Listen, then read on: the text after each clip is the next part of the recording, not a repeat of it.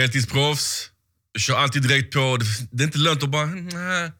Bianca Salming, välkommen hit. Tack så jättemycket. Du vet, jag gillar att folk ger för långa introduktioner. Bara, ah, uh, uh, uh. Nej, Jag är här för att lära det. känna dig. Så du vet, jag vill inte säga den fyrfaldige och den femfaldige och la la la. Därför är du här, så vi kan beta igenom liksom så här, allt. Välkommen hit. Tack så mycket. Tack för att du ville ställa upp. Ja, riktigt kul. Vi kan börja direkt med... Vi hoppar in på, på idrotten du kör. För att eh, du är den första podden som kör detta. Så vi får lite så här, utbilda folket lite. Stort. Så mångkamp, friidrott. Hur många grenar består en mångkamp utav? Eh, för tjejer är det sju kamp och för killarna är det tio kamp. Okej. Eh, och sen inomhus kör vi fem kamp för det är lite svårt att kasta spjut och sånt inne. Så fem kamp inne och sju kamp ute. Så friidrott, jag tror att alla ni vet vad friidrott är så i allmänhet. Men kanske just eh, mångkamp, det är många som känner till. Så vilka grenar är det man har? Du sa spjut, Ja, vi kan börja från början. Vi börjar Ja. med häck, häck. sen är det höjd, Mm. eh, sen är det kula, 200 och sen andra dagen då, då är det längd, spjut, 800. Så är det alltid två dagar. Mm, exakt. Och så kör man tre grenar en dag eller två grenar en annan dag. Så. Eh, fyra och sen tre. Fyra sen tre. Mm. Okej, så då vill man veta hur blir man bra på allt. Ja, alltså jag tror att de flesta som börjar på friidrott börjar med att köra typ alla grenar. Och jag tror det är många som har som dröm att bli en mångkampare för att det verkar roligast. Liksom. Och sen hittar de flesta liksom, sin gren som de är bäst på. Typ såhär, ah, nej, men jag är ändå bäst i höjdhopp och, eller kul eller vad det blir. Och sen, men jag märkte ändå att jag var ganska bra i det mesta. Eller kanske lite halvdan i det mesta, men hade några pikar. Liksom. Och det är väl typ på det sättet man kommer in i mångkamp. Att man, ja, man får en bra totalpoäng. Liksom. Den här podden heter ju Heltidsproffs. Mm. Och eh, du tränar och praktiserar idrotten på heltid så. Men du har ett annat jobb vid sidan av. Ja, alltså jag satsar ju helhjärtat på friidrotten. Det är alltid det som går först. Men eh, jag har också ett extrajobb, eh, 50%. Dels för att såklart man vill ha pengar, men också för att jag mår som bäst av att ha någonting annat att tänka på också. Jag är en väldigt så här, en person, jag älskar och är väldigt social och jag behöver ha någonting annat att tänka på. Liksom. Hur, eh, vad säger din arbetsgivare? Typ så här, nu måste jag, eller framförhållning hela tiden? Ja, alltså jag är, det är verkligen så att okej, men nu ska jag åka på träningsläger en månad. Men det är det jag har haft så tur att hitta ett jobb där min chef är så förstående och han visste redan från början att jag var friidrottare. Så att det är så här, och nu vet han att jag jobbar var jag än är så att jag har hittat det perfekta jobbet för mig. Så att det går att anpassa. Fan vad kul att höra. Mm. Skönt att man har någon som eh, tror på en på det sättet. Ja, alltså att man kan ha en dialog och någon som litar på en. Liksom, Att man, man gör sitt jobb även fast man, eh, han fattar att jag, annars kommer inte jag vara kvar om inte jag kan satsa på friidrotten. Liksom. Mm. Nej, men det är nice. Du blev lite smånervös när jag eh, började pilla på de ökända lapparna. Ja, men jag tänkte så här, nu är det någon så quiz och det är så, det värsta jag vet. Nej, det här är lappar som basically är typ så här ämnen Okej. Mm. som vi kommer beröra längs med vägen. Eh, vi kan hamna långt åt det hållet eller långt åt det hållet. Vi vet aldrig. Det känns som första dejten, har du sett det programmet? De tar upp, öppnar upp en lapp så här. Är det sant? Första dejten med Bianca, okej Ja, det är trevligt. ett annat program. Ja, ja, okej, nice. Finns det ett program som heter så? Ja men det heter det och så har de så här, någonstans att de ska ta upp någonting så vänder de upp så här bara, hur var breakup eller något. Aha! Nej, vi är inte Nej. där. Vi är inte där, vi är inte där. Här, här är det rundare Ja, lite, slängar, liksom så, lite mer bredare. Så jag bara lägger dem ner så, smack, boom, och så bara drar du en lapp. Är det dags nu? Det är dags. 10 000 H. Vad, vad betyder det? Jag vet inte. Har du hört om begreppet om att tränar man 10 000 timmar på någonting så är man. Nej, faktiskt inte. ett, eh, ett proffs. Okej. Så då, då är man så här. har du lagt ner de timmarna, då Mm. betyder det att du har kommit till en viss nivå. Och förhoppningsvis så ska du vara ett proffs efter de här eh, 10 000 timmarna. Mm. Tror du att du har lagt ner 10 000 timmar på din mångkamp? Men gud, hur fan räknar man ut det då? Om Jag man ska räknar... skriva, hur mycket är 10 000 timmar i dagar? Ja. Men 10 tänk 000 så här, timmar. fyra timmar, idag, eh, fyra timmar om dagen. Typ. Vad sa du? Fyra timmar om dagen, kanske. I snitt säger vi då. Okej, vad händer här då? 10 000 timmar Ja. är 416,6 666 dagar. okej. Så 417 dagar Ja. Ja, men det... Ja. av bara träning. Alltså man kan ju tänka så här att man tränar ju liksom dygnet runt även när man inte tränar. Ah, alltså, man måste ju tänka hela tiden. Liksom. Det är inte bara träna på själva träningstillfället som räknas. Utan Vila också träning. Vilan, när jag äter, vad jag prioriterar. Kosten. Exakt. Så att om man ska tänka så, så 100%. Men just på banan, nej kanske inte. Men eh, man måste ju tänka, det märker man ju, att man, det är kanske därför man är helt slut efter en säsong också. Att hjärnan är helt slut för att du tänker hela tiden så här, "Ah, nej, men jag måste hem nu, eh, okej har jag matlåda? Alltså du vet. Hur ser ett träningstillfälle ut? Ta oss igenom det, för det är så många grenar. Mm. Hur fördelar du? Och du nämnde det fyra timmar per pass. Mm, nej, alltså två pass på en dag, det blir två timmar och sen två timmar på eftermiddagen. Så det blir fyra timmar om dagen. Ja, om det är dubbelpass. Ja. Ja. Berätta, ta oss igenom det.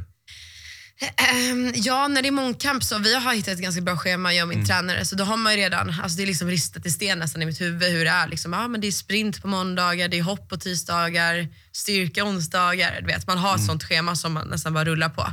Sen kan det alltid ändras lite. Men eh, ja, om det är dubbelpass så oftast någonting mer teknik eh, eller kast på morgonen och sen så någonting tuffare på eftermiddagen. Eh, och sen så rullar det bara på så. Alltså det är så himla olika hela tiden så det är svårt att säga exakt vad man gör. Vad är det du fruktar med träningen mest? Var det bara så, ah, nej inte det här nu. Alltså, man kan ju tro att det är alla de här jobba intervallerna men det är ju typ det jag älskar mest. 800 meter är en av mina bästa grenar. Och det är just det jag älskar med eh, mångkampen, att man får träna så himla hårt. Alltså jag älskar att träna mycket. Jag älskar grundperioden. Så att när folk bara så här, ska du köra höjdhopp? Jag och min tränare bara kollar på. Bara, Jag hade aldrig klarat av det för att jag älskar att träna hårt. Liksom. Så vad fruktar jag? Ja, men kanske... Mm, men det är klart man är lite rädd när man ska typ så här maxa någonting. Du vet, man har en testdag typ så här, för att se om man verkligen kommer någon vart. Det kan ju vara lite läskigt men det är också det man älskar. Så oftast det som är det läskiga är också det bästa. Typ. Du är så jävla diplomatisk. Nej, men- diplomatisk. Nej men det är sanning. Jag säger inte det bara så utan jag äl- älskar det så. Ja. Hur kom du in på friidrott då? Eh, för min del var det nog tack vare min idrottslärare. För att han, vi hoppade höjdhopp, vet man hoppar springer ut barfota på ja, en lektion. Och Han sa, det här borde du nog satsa på. Så där fattar man att det är viktigt att ha en bra idrottslärare. För det var nog tack vare honom som jag började. Och sen så bara testade du och så... Ja, började så på friidrottsskolan som barn liksom och tyckte det var skitkul. Och jag hade turen att hamna i en bra grupp. Med, jag fick liksom så bästa kompisar och det är jätteviktigt också. Eh, så att, eh, ja, på den biten, man, man gillar det man är bra på tror jag. Alltså nu kan jag se vilka lappar, alltså jag ser lite igenom. Eh, och det finns en grej, för att vi har diskuterat med de senaste individerna på ett tag, så tänkte vi Barndom. snacka lite barndom. Eh, och det är alltså här, folk reagerar olika på när de läser ordet. Vad är det första du tänker på när du tänker barndom? Eh, jo, men när vi pratar om idrott så tänkte jag på vilka idrotter jag gjort när jag var yngre. Eh, så det har varit lite allt möjligt. Hockey, det var dans och vi är ju en idrottsfamilj. Så att, eh, att köra någon slags idrott när vi var yngre kändes ju självklart. Liksom. Så att, eh, Och sen skolgång då? Om Vad du sa tänker- du? Om du tänker barndom och skolgång. Hur hade du det i skolan? Som yngre? alltså det roliga är att upp till typ femman så var jag exemplarisk. Alltså det var inga problem. Och Sen. Alltså, sen så hände det någonting vid sexan och högstadiet. Alltså, jag, då var det som att jag switchade om. Jag har aldrig varit en skolperson på det sättet. Alltså, jag älskar att lära mig, men eh, skolan passade inte riktigt mig. Det är svårt att sitta still, koncentrera sig. Det blev lite en bråkstake. Typ. Någonting vi kan eh, gå in på djupare? Liksom? Vadå, typ, vilken typ av bråkstake snackar vi om? Att du var den retiga eller var du en som kunde tända till snabbt? Ja, men jag var nog kaxig liksom. och liksom, jag tror inte det var så lätt för lärarna. Och sen så när jag kom upp till gymnasiet så hoppade jag ju av gymnasiet eh, efter ett och ett halvt år. Jag ville jobba ett halvår. Det vill säga, jag ville bara göra min egen grej. Jag var liksom galen. Liksom. Pappa höll på att gå in i väggen tror jag. Berätta om det, för det vill jag höra. Hur säger man till någon, nu ska jag på gymnasiet. Ja, min mamma har alltid varit så här, hon tror mer på typ så här, men eh, gud du behöver inte gymnasiet, du kan göra din grej och så här. Men pappa var mer så här, du ska stanna kvar, du ska ha säkerhet och vet så, här. så det var lite två motsatta poler. Så att jag lyckades hoppa av ändå. Eh, men sen började jag igen på ett för att jag hoppade av för att jag gick liksom från skolan för att jag ville träna. Jag missade ju skolan för att jag ville träna. Så då började jag på ett frihetsgymnasium som passade mig bättre. Och sen gick jag ut till slut, men jag har fortfarande inte alla betyg. Alltså, du vet, så här, jag, ja, jag gillar inte skolan så mycket. Alltså jag har nog aldrig visat mina betyg någonsin till någon arbetsgivare Nej. eller till någon. Nej. Stay in school, det är inte det jag säger. Ja. Men jag har aldrig behövt bara säga köp, varsågod, aldrig haft någon nytta av det. det för mig var det så här, nätverk, nätverk, nätverk. Mm. Och det är så du träffar Bianca Salming. Det är inte genom mina betyg. Det är Nej. genom att du kände någon som kände dig. Ja. Alltså, så, så, har jag också alltid tänkt och det var så min mamma sa. Att det, är Mm. Så här, det är så mycket mer än hur du är som person och hur du kan ta dig var som helst utan skolan, sa Mm. hon. Men jag förstår ändå pappa, för jag kan ändå känna nu så idag att man bara, fan alltså det är ändå en säkerhet att ha gått skolan. Alltså man får ett annat lugn på något sätt. Mm. Nu har jag hittat det lugnet på andra sätt, att jag kanske gått en P1-utbildning. För att jag tycker ändå det är skönt att ha en så här trygghet, okej går allt åt helvete, då har jag ändå okej, en PT-utbildning, jag kan jobba som PT. Men just att ha en trygghet, det är därför man säger okej stay in school. För att det är skönt att bara ha det. Men ändå så är jag glad att jag hoppade av. För att, ångrar inte dig? Jag ångrar mig inte, men jag också, samtidigt har jag läst upp några betyg för att jag ändå haft lite ångest. Så att jag säger inte så här att det är helt liksom... Men jag är ändå glad att jag gjorde det just där och då. Vi tänker inte så här äh, barndomsminnen. Vi alla vet vem din pappa är. Eller vi, vi som kan idrott. eh, så här, äh, vem, vem stod du närmast av, av dina föräldrar när du var yngre? Det har nog varit ganska lika. Mm. Det känns lite som på olika sätt. Alltså, mamma är alltid mamma, men pappa, vi har också haft en, jag är liksom pappas lilla dotter. Mm. Okej. liksom. Tänk med Yngsta. tid, liksom, om han har varit så här, tillgänglig eller varit upptagen med andra grejer. Då Mm. kanske ibland att man dras till mamma kanske hade mer tid. Eh, nej men jag var väldigt mammakär när jag var liten, Mm. de skilde ju sig så då var jag väldigt så här, i- mitt i natten, jag vill åka till mamma och sådär. Men det hade nog ingenting att jag hade sämre kontakt med pappa. Eh, vi hade nog turen, jag och min yngre brorsa då, att vi har haft eh, så mycket tid med pappa för våra äldre syskon som är 40 nu. De bodde ju i Kanada och där fick de ju knappt träffa honom alls för då spelade ju han. Så vi har ju en helt annan relation på det sättet tror jag. Eh, men jättebra med båda skulle jag säga. Hur många syskon är ni? Fyra. Fyra? Eh, De två äldre har vi inte samma mamma, utan samma pappa. bara. Mm. Ni har kontakt och relationer och så här. Ja, verkligen. Men det blir ju fortfarande, alltså vi är jättenära allihopa, men det blir ju en annan grej när man har växt upp ihop. Eh, Jag och min brorsa som är tre år äldre. Liksom. Är ni alla idrottsorienterade? Alla håller på med idrott, men inte de två. Jag är väl den som kanske håller på på elitnivå. Ja. Eh, är det tröttsamt att alltid eh, snacka om din pappa? Eh, ibland. Eh, alltså jag har mest sett det som en fördel för att jag, eh, alltså jag är inte den som inte gillar att synas och jag tar det bara som något positivt. Jag har fått kanske bättre sponsorgrejer och all uppmärksamhet är bra uppmärksamhet nästan. Men eh, ibland så blir man lite så här. Typ när man var på junior-VM och du vet så här, på hemsidan så står det inte bara om mig, att jag är toppad att kanske vinna, utan då står det att min pappa är där. Då blir man lite så här, men, mm. det är ändå en friidrottstävling, då tänker man varför ska du stå om honom? Då blir man lite så här, "Ja, men nu räcker det typ. Men å andra sidan tror jag att det är mer positiva effekter än negativa. Har det någonsin gått någon intervju eller någon så här, då man inte nämner honom? Nej, det tror jag inte. Varenda jävla... Jag tror aldrig, nej jag tror aldrig inte. Nu nämner jag honom inte för att vi nämner honom, utan mest för att bara känna hur du känner kring det. Liksom. Alltså det är jättelugnt att Ja. folk nämner honom men det är ju aldrig någon gång då det inte var. För det är alltid så, okej då slinker de alltid in det på något sätt, bara hur är relationen där? Och den klassiska frågan, vad tror du att du har fått från pappa? Liksom, och, ja, ja. Vet, men det, är det, alltså, det gör mig ingenting. Nej. Men det är ju, Är inte jobbigt att alltid bli, sitta bli jämförd? jag vill inte jämfört på det sättet. Jag tror att det hade varit värre om det var typ så här, min brorsa körde hockey och han eh, är kille. Eh, där kunde han ju redan som när han var typ 10, liksom, då kunde de skrika på honom på planen och bara “jag salmingjävel”. Liksom. Så att för mig, jag har liksom hamnat, liksom, ja, det är inte, man kan inte jämföra på samma sätt. Ingen press eller något sånt liksom, som, som dyker upp i hjärnan? Nej, inte, inte så. Såklart kanske andra tänker så att så här, ja, men hon kan ju också bli väldigt duktig eftersom hon är så duktig idrotts, eh, ja, men pappa. Liksom. Men eh, nej, inte jämföra så. Det är så helt olika sporter och en tjej och en kille. Liksom. Då är vi unika då. Om frågar dig vilka sidor du fått från pappa, då frågar vilka sidor du fått från mamma. För mamma? Ja, precis. Jag brukar alltid behöva nämna henne själv för att hon hamnar lite i skymundan. Hon, Nämn henne tre gånger, vill jag bara Yes! säga. Ja. Då blir hon glad. Ja. Nej, men hon är också väldigt idrottsintresserad. Hon är ju, nu, nu idag så är hon liksom utbildad PT, kostrådgivare. Det är ju hon som har lärt mig allting med kost och hon är mental coach också. Varit handbollsspelare när hon var yngre så att jag tror att jag har fått minst lika mycket från henne som från pappa. Så att det är perfekta kombinationen. Nice, för att eh, någonting har du fått från dina föräldrar. För att när vi är inne och researchar guld, silver, guld, guld, Ja. guld, silver, guld. Alltså det är bara medaljer Mm. som eh, nästan känns som att det har regnat över dig. Ehm, hur håller du dig in check liksom? Förstår du vad jag menar? Mm. För ibland kan man bara så här, kanske släppa lite på garden när det går bra. Hur håller du dig fokuserad? Ja, men det är nog för att jag tycker inte att det har gått bra än. Typ så, tror jag nog. För att jag inte är nöjd. Eller jag har inte varit nöjd. Det är klart man kan vara nöjd över ett resultat om man står personbäst och så här, men för mig så känns det som att jag, eh, mer känns som att jag misslyckats hittills än att lyckats. Förstår du? För att jag kanske har tagit många medaljer så i Sverige och så här, men det är långt ifrån vad jag har velat göra. Mm. Och det är det som håller mig liksom motiverad.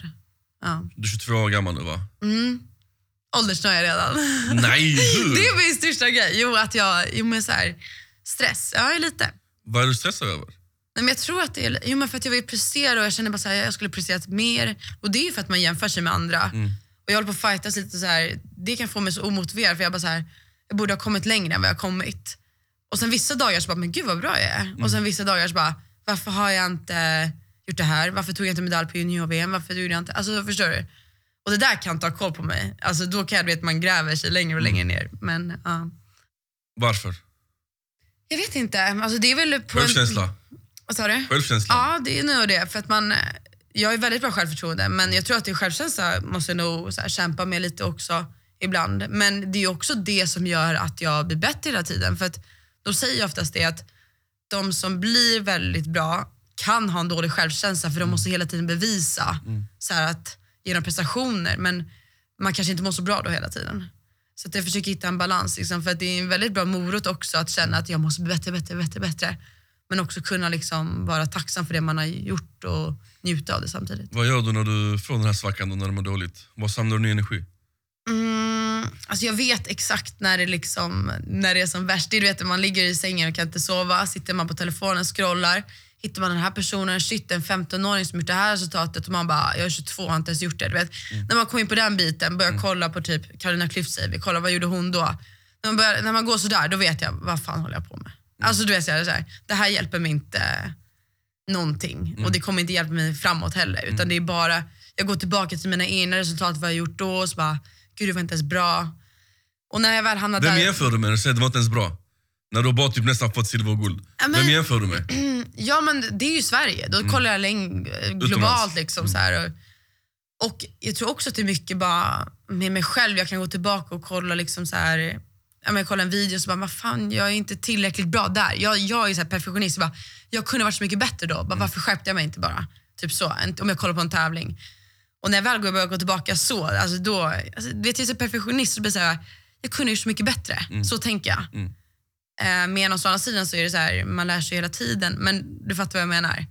Alltså, när jag väl börjar gå tillbaka då är jag, går jag bara längre ner i hålet. Ja. Jag vet inte om man ser eh, hur Bianca sitter med sina händer just nu. Men om hon kunde knocka någon så hade hon gjort det. Ehm, jag bara tänker, vad, när blir du nöjd? Ehm, alltså jag, jag ska inte säga så. Jag har varit nöjd många gånger. Eh, Jag var nöjd senast förra helgen på SM när jag liksom lyckades med mina mål. Grattis förresten. Tack. Ja, när, jag, när det var stora SM och tog medaljer där i individuella grenar. Så då var jag nöjd och helgen innan det också. Så jag säger inte att jag inte är nöjd, Mm. men jag säger bara att vissa dagar så kan jag bara liksom gräva ner mig. För vi snackar ju om att okej, Sverige, du har fått dina meriter, dina medaljer. Mm. Jag tänker så här, när blir du nöjd i utomlandsmeriter globalt? Liksom? När eh, knyter du näven åt andra hållet? Liksom? Mm, alltså det skulle väl vara om jag tagit OS-guld. Liksom. Mm. Så det är väl då. Ehm, men som sagt, jag kommer ju vara nöjd över små saker på vägen. Men, Delmålen liksom. ja, men ska jag känna mig så riktigt nöjd, då är det nog den dagen jag lägger av. Okej. Förstår du? Mm. För att har jag blivit så nöjd, då kommer jag nog känna mig klar. Och tills dess, om jag inte har känt mig, då kommer jag nog vilja fortsätta. Liksom. Vad är en friidrottares livstid? Mm. Så vad jag menar? Typ en fotbollsspelare idag kan lägga av vid 36 till 40 kanske. Ja. Hur ser det ut för en friidrottare? Är det så standard? Alltså killar kan nog fortsätta lite längre. De är så här, alltså det finns väl ingen stopp egentligen. Nej. Men jag tror en tjej normalt, kanske i mångkamp, 29, 30, 28 där. Många vill kanske ha barn då också. Så det, jag tror att den åldern försvinner de flesta. Men då tänker jag så att, okej men mångkampare, Då är jag lite smart, jag är bra i kast. Efter 30 då kan jag bli spjutkastare. De kan ju hålla på hur länge som helst. Liksom. Hur långt ifrån är du från ett OS eller ett VM där du tror att du kan plocka hem någon medalj? Måste det vara guld eller nöjer du dig med, ett, med en medalj i Alltså- det sammanhanget? Alltså i det sammanhanget, just nu, alltså medalj. Alltså i stora mästerskap så är mitt mål, alltså jag, jag, jag tycker att man ska sätta upp bra mål men också så realistiska liksom. Och då, jag skulle vara glad för en medalj. I, när det kommer till alla VM, EM och så här, då är det bara medalj som gäller. Såklart man vill vinna men ja, medalj. Mm. Ehm, och eh, då känns det liksom, och jag har sagt det, de här mästerskapen som kommer nu framöver, då vill jag inte bara kvala. Det har ju varit de många målen tidigare, så här, bara kvala. Men nu vill jag liksom prestera och göra ett bra resultat där och hamna på en bra placering. Ehm, jag känner liksom att jag måste ta nästa steg. Vi nämnde lite innan om att eh, det kan vara två timmars träning om dagen, ibland fyra timmars träning om dagen. Hur hinner du med det sociala? Ehm, det är ju väldigt viktigt för mig. Eller jag mår väldigt bra av det och ha- mina, ha mina kompisar runt omkring mig och min familj. Så att eh, på något sätt så har jag lyckats ganska bra få in det. Ehm, mer eller mindre någon vecka men åker alltid ut till mamma någon gång i veckan. Träffar alltid kompisar under helgen. Ja, eller så ringer man och pratar. Ehm, man löser det på något sätt. Och jag har väldigt bra kompisar som är så förstående. Typ så om vi går ut på klubben, då går de och liksom krökar. Då, kan, då tar de mina drinkar. Eller som jag bara, jag måste gå nu. De bara, ja det är lugnt. Vet, ingen som tjatar på en. Så att väldigt så här, förstående vänner. Men jag har ändå båda världarna, vilket jag är glad för. Undviker du alkohol? Under, ja, alltså, under de perioderna jag behöver. Mm. Alltså, jag ska inte ljuga, när jag varit en väldigt festpris. Jag festade mer när jag var 15 än när jag faktiskt fyllde 18. Typ. Så kändes det som. Eh, men, eh, så att jag håller mig lugn när jag ska. Men när jag väl får, då, då tackar jag inte nej heller. Vad gör man eh, som en 22-åring här i Stockholm då, förutom att festa, när man vill umgås med folk? Det känns som att eh, alltså i Malmö så känns det att man umgås mycket så här hemma, är lugnare tempo. Mm. Här känns det som att hela tiden liksom... Ja. Ja, kanske lite mer action här Ja. när man väl går ut. Ja. Så kan jag också tycka ibland. Bara, men vad gör vi om vi inte ska kröka typ, eller dricka alkohol? Alltså, men alltså, så- känns det ibland. Vad ska ja, man hitta på? Ja, jag fattar. Jag fattar ja. Alltså inte så. Ja, bara, Nej men du vet så här, ibland bara, men, ja, men det finns alltså, men jag har också blivit så här, jag kan gå ut utan att dricka och ha kul ändå. Ehm, så att eh, man får bara hitta, men sen, så vi är också väldigt duktiga på att bara hänga hemma hos varandra. Har man bra kompisar så behöver man inte göra så mycket. Du vet, då kan man bara, man måste... nej, då kan man bara sitta så här så har man kul. Vi snackar socialt liv, sociala medier. Mm. Eh, ändå bra följarskara. Okej. Mm. Vem man jämför mot. Exakt, vi jämför, okay, vi jämför med mina nästan 4000, för dina 30 plus va? Ja, men, ja, 30 ja. Ja. Hur eh, viktigt är det för dig? Eh, Men framförallt tycker jag sociala medier är ganska kul. Jag tycker det är kul att hålla på med bilder och videos och sitta och klippa själv. Så hade jag inte tyckt att det var kul så hade jag nog inte gjort det. Men sen så är det ju också nu idag väldigt stor fördel om man har en följarskara när det kommer till sponsorer och grejer och ja, följare, vad ska man säga, fans och sådär. Ja. Så att, eh, jag tycker det är bara kul. Ingen press, ingen så här, nu måste lägga upp en bild. Du kommenterar, alltså, alltså kommenterar, gillar du, svarar du? Hur, hur är dina rutiner? Eh, alltså ingen så press att lägga ut. Nej. Det kommer ganska naturligt. Jag lägger upp ganska flitigt. eh, men kanske mer så här, alltså samma sak där. Varför har inte jag 100 000? Alltså förstår du? Jag, är, alltså, jag tänker alltid så. Vill, du från en business side, varför får du inte 100 000 eller allmänt följare? nej, men så här, ja, det hade varit mycket bättre om jag hade det. Mm. Så här, det hade varit, ja, man kanske hade kunnat eh, En extra nolla. nej, men så här, dra in mer sponsorer, Mm. man kanske, ja men bara fördelar liksom. Ja, Som friidrottare så vet jag inte hur det ser ut rent ekonomiskt. nej. Är det någonting man kan leva på? Alltså jag tror att det är tufft för många. Eh, jag tror att det liksom är så en hårfin gräns. Liksom. Det, är nog många, alltså det är många som inte klarar av att leva på det men kommer man över en viss gräns och har rätt på sponsorer så kan man göra det. Men det är också väldigt så här, svårt också. Det är inte den mest generösa sporten. Liksom. Mm. Vad kommer det sig? Är det någon diskussion som är inom friidrottarnas värld om den ekonomiska situationen? Alltså jag vet inte, man måste bara ha tur med att hamna, som du säger nu, jag tror att jag inte hade kanske fått Adidas om jag inte hade haft syns lika mycket eller Visst, okej, nu kanske för att jag är duktig, de är väldigt att ta duktiga atleter också. Men jag kanske inte hade fått samma... Du sa något bra, härligt, du är duktig, bra. Ja, första gången! Ja. Men, eh, men jag tror kanske inte att man fått samma kontrakt om inte jag hade haft 30 000 följare. Eh, och sådär. Så jag tror att det är tufft för många som eh, ja, inte kanske är riktigt på den nivån eh, friidrottsmässigt men ändå är bra. Och sen så, ja. Vi snackade med Martin Lidberg om eh, vinstpengarna. Om man tar VM-guld, OS-guld och sånt. I Sverige får man noll, Noll. som brottare. Hur ser det ut inom friidrott? Eh, jag tror att den största pengen får man nog om man har ett kontrakt med en sponsor. Okej, så det är inte ens att du tar den jävla medaljen, det hjälper dig? Nej? Nej, alltså vi, min tränare är från Montenegro. Eh, så vi brukar skoja lite och Och jämföra. så kommer man den. Är det sant? Bra, bra där. Ljuger. Eh, men, eh, och då jämför vi med där, någon som tar medalj, då får de lägenhet, då får en så här, livstidspension. Kungar. Ja, men du vet, alltså, hela landet bara, "Åh", du vet, så här, och här bara, vad händer här? Inte ett skit. Typ. Alltså, det är, och det är så tråkigt för där brinner de för idrotten på ett annat sätt och man blir som en gud där. Medan här är det så här, grattis. Mm. Kan gå till jobbet, du kan gå till jobbet på måndag. Exakt, folk kommer fram liksom och tar bilder och bara ah, det är Bianca liksom. Ja, men, äh. Även om ett OS-guld är runt om din nacke. Ja, jag vet inte, jag tror inte att det är på samma sätt. Nej. Nej. Alltså, vi har nu snackat typ en halvtimme, typ på pricken. Ja. Och vi har inte berört eh, poddens huvudsyfte, Nej. insåg jag precis. eh, för podden heter ju Heltidsproffs Mm. och vi, berör, vi vill veta liksom så här, steget från amatör till proffs, Mm. när det hände och hur det hände. För att vi vill på något sätt inspirera kanske någon som är en eh, ung Bianca som inte visste vad han eller hon vill göra Mm. och står mellan amatör till proffssteget men själv inte vet om det. Mm. Så när eh, tog du steget från amatör till proffs? Ehm, jag tror att när jag först började inse att det här är något jag kan satsa på, det var nog när man fick uppleva typ ungdoms-VM och junior-VM och fick vara med på dem. Eh, när man var där och kunde ändå placera sig bra, det var där det började hända någonting i mig. Eh, att så här, jo men det här vill jag nog satsa på. Hur gammal? Ja men då är man typ 16, 15, 16 liksom. Mm. Och då, eh, sen kommer det liksom så successivt, det var inte så för mig över en dag där jag insåg utan det blev bara mer så här, okej det blev mer träningar, eh, jag märkte att mitt mindset ändrades mer, jag började prioritera bort andra saker. Och det var så här tydlig gräns när man var där, många försvinner när man är 17-18. Mm. Men det var också så här, fram tills typ 17-18 så var det så här, åh nej jag åker på träningsläger i två veckor, jag missar allt här hemma. Tills att jag bara, fy fan vad skönt att åka bort och missa allting och bara få träna. Det var liksom, när det, där, när det switchade där, då visste jag att så här, okej ja, vad som helst kan hända men jag kommer alltid vilja hålla på med friidrotten. Liksom. Så att eh, när man känner det, då tror jag nog att det bara är att köra. Liksom. Vad är det mest udda landet du har varit och tävlat i? Och tävla i? Mm.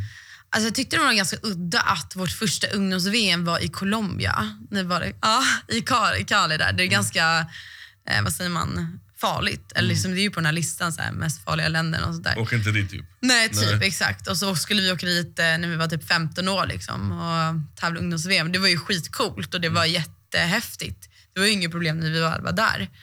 Men jag vet att min pappa var så här, jag åker med. Ja, nej, men han, han var lite orolig. Men, så det var nog både lite udda men också häftigt. Liksom. 22 år är du idag den 3 september. Mm. Om 10 år, om vi kanske ses igen då och gör en intervju, eh, vad hoppas du att vi ska prata om då? Eh, alla medaljer som jag tagit, eh, alla mästerskap som jag varit med på och eh, vilken nivå jag ligger på. Och bara, du, är ju, du är en av de bästa i världen nu. Så kan jag prata. personligt plan, vad säger du då om 10 år? Ja, men jag vill gärna vara gift. Mm. Eh, kanske precis så här, bara, ah, jo, men vi ska nog satsa på att ha barn nu. Jag vill eh, bo kvar här nära Mm. familjen men jag vill ändå ha något ställe utomlands där jag kan åka och träna. Ja, men typ så. Och kanske 100 000 följare. Ja, det hade varit bra. Stort tack Bianca. Tack själv. Tack. Ja.